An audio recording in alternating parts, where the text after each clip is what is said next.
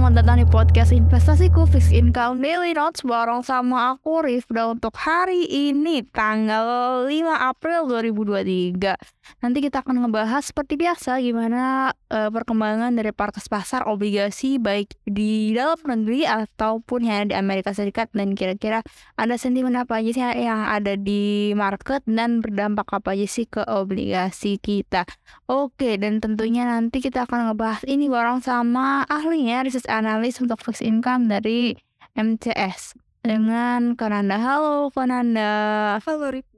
Oke kak, buat opening boleh spill aja nih langsung gimana kinerja obligasi kita, obligasi Amerika, volumenya gimana, dan kira-kira ada sentimen apa aja sih untuk hari ini yang bakal ngaruh ke perdagangan obligasi.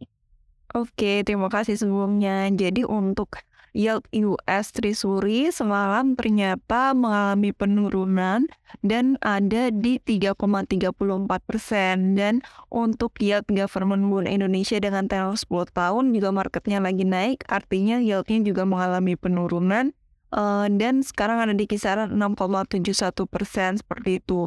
Uh, melihat rilis data dari Amerika Serikat mengenai durable goods ordernya di bulan Februari mengalami penurunan sebesar satu persen dan ini penurunan di bulan Februari ini sesuai dengan ekspektasi pasar. Sebelumnya juga mengalami penurunan. Terlihat bahwa uh, dengan um, konsumsi yang masyarakat mulai menahan permintaan barang-barang uh, tahan lamanya ini akibat kenaikan suku bunga The Fed. Di sisi lain juga ada data mengenai factory orders-nya.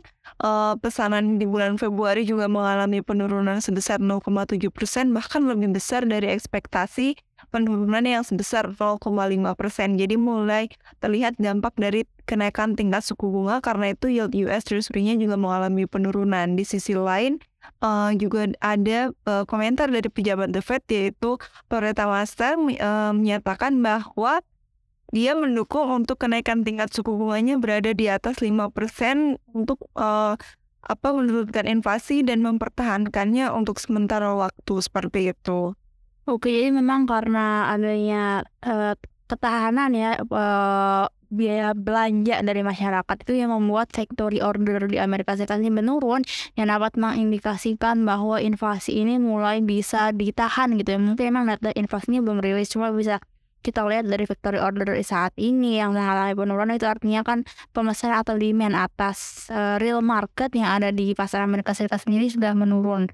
Dan itu mungkin bisa menjadi sentimen positif bahwa The Fed ini dia untuk kenaikan tingkat suku bunganya lagi tidak akan sepanjang periode yang kita ancang-ancangkan gitu. Mungkin uh, dari podcast kemarin sendiri kan uh, Nanda sempat nyampein kalau kenaikan Fed ini sampai satu kali. Itu gimana Nanda? Iya betul. Jadi memang uh, saat ini pasar melihat bahwa The Fed kemungkinannya akan sekali lagi dalam menaikkan tingkat suku bunganya dan diprediksi uh, menaikkannya sebesar 25 basis seperti itu karena beberapa pejabat The Fed sepakat untuk berada di atas uh, 5% atau diperkirakan di 5,1 atau 5,25% dan di sisi lain juga ada kabar dari global yaitu mengenai OPEC Plus yang uh, memangkas produksinya. Nah, ini juga menjadi kekhawatiran para investor karena berpotensi menyebabkan uh, terjadinya resesi atau pelemahan ekonomi juga karena uh, bisa berpotensi menimbulkan inflasi kembali sehingga ini juga menjadi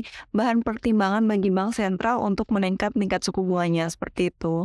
Jadi memang kebijakan OPEC sendiri bisa kita nilai sebagai kebijakan yang hanya mempengaruhi ke harga minyak. Jadi untuk negara-negara anggota OPEC sendiri emang tujuannya untuk memotong atau memangkas produksi ini kan tujuannya buat menstabilkan harga mereka kan. Karena emang harga harga yang diharapkan oleh anggota OPEC itu untuk harga minyak itu 90 sampai 100 dolar per barrel. Tentunya ketika harga tersebut mena eh, naik kembali untuk harga bahan bakar untuk harga minyak mentah yang tentunya digunakan untuk bahan bakar minyak yang merupakan energi primer untuk masyarakat dan juga industri itu bisa menggerek kembali tingkat inflasi dan itu yang bisa menjadi uh, pedang atau pisau bermata dua. Jadi untuk uh, bank sentral itu khawatir bisa naikin bisa naikin inflasi yang membuat mereka harus naikin tingkat suku bunga lagi Sedangkan untuk OPEC-nya sendiri itu menguntungkan dengan naiknya uh, naiknya harga minyak dan juga memberikan uh, kesempatan bagi mereka untuk pendapatan negaranya juga kan dengan naiknya harga minyak jadi ekspor atau penjualan minyak dari negara tersebut menjadi meningkat seperti itu ya Nanda. Nanti kalau misalkan ya uh, kan itu kan udah fix kan mulai Mei dan ketika di Mei itu uh, tingkat inflasi Amerika Serikat belum turun sesuai target mereka di 2%. Kira-kira gimana tuh Nanda menurut kamu? Oke, uh, memang diperkirakan sendiri untuk inflasi uh, di Amerika Serikat ini diperkirakan sampai akhir tahun belum mencapai target The Fed yaitu di kisaran 2% targetnya. Uh, bahkan dengan inflasi yang masih uh, diperkirakan di atas target tapi dapat uh, mulai penu uh, terjadinya penurunan gitu. Jadi nggak uh, terlalu tinggi sekarang uh, di 6%, bahkan dari survei economic projection yang dimiliki The Fed itu diperkirakan juga untuk uh, apa namanya? Uh, inflasi di sana itu masih ada di kisaran 3% dengan cara menaikkan tingkat suku bunganya mencapai 5,1%. Jadi memang diperlukan uh, untuk kenaikan tingkat suku bunga kembali dan uh, diperkirakan sekali lagi untuk menurunkan inflasi karena fokus The Fed sendiri masih terhadap uh, apa namanya dalam menurunkan inflasi seperti itu. Oke, jadi gitu ya kalau The Fednya masih berfokus untuk meningkatkan tingkat suku bunga kembali untuk menurunkan uh, tingkat inflasi yang ada di Amerika Serikat dan tentunya itu masih menjadi kekhawatiran investor domestik ataupun investor global di mana memang kebijakan dapat sendiri adalah sebuah kebijakan yang memiliki efek domino yang bisa uh, di mana negara-negara lain khususnya emerging market itu harus mengikuti kebijakan tersebut kalau tidak harus mempunyai amunisi lain untuk menstabilkan mata uang negara tersebut e, karena ketika dolar menguat ketika dolar menguat itu berpotensi adanya depresiasi atas nilai mata uang dari negara lokal. Oke nih terakhir nih Nanda e, berdasarkan data atau info-info yang sudah kamu sampaikan tadi kira-kira untuk perdagangan obligasi kita untuk hari ini akan ada di kisaran yield berapa? Oke, untuk uh, yield government bond Indonesia dengan tenor 10 tahun diperkirakan ada di kisaran 6,7 sampai dengan 6,71 persen. Oke, jadi dari 6,7 sampai 6,71 persen ya. Uh, intervalnya tidak cukup lebar dan itu masih di bawah 7 persen.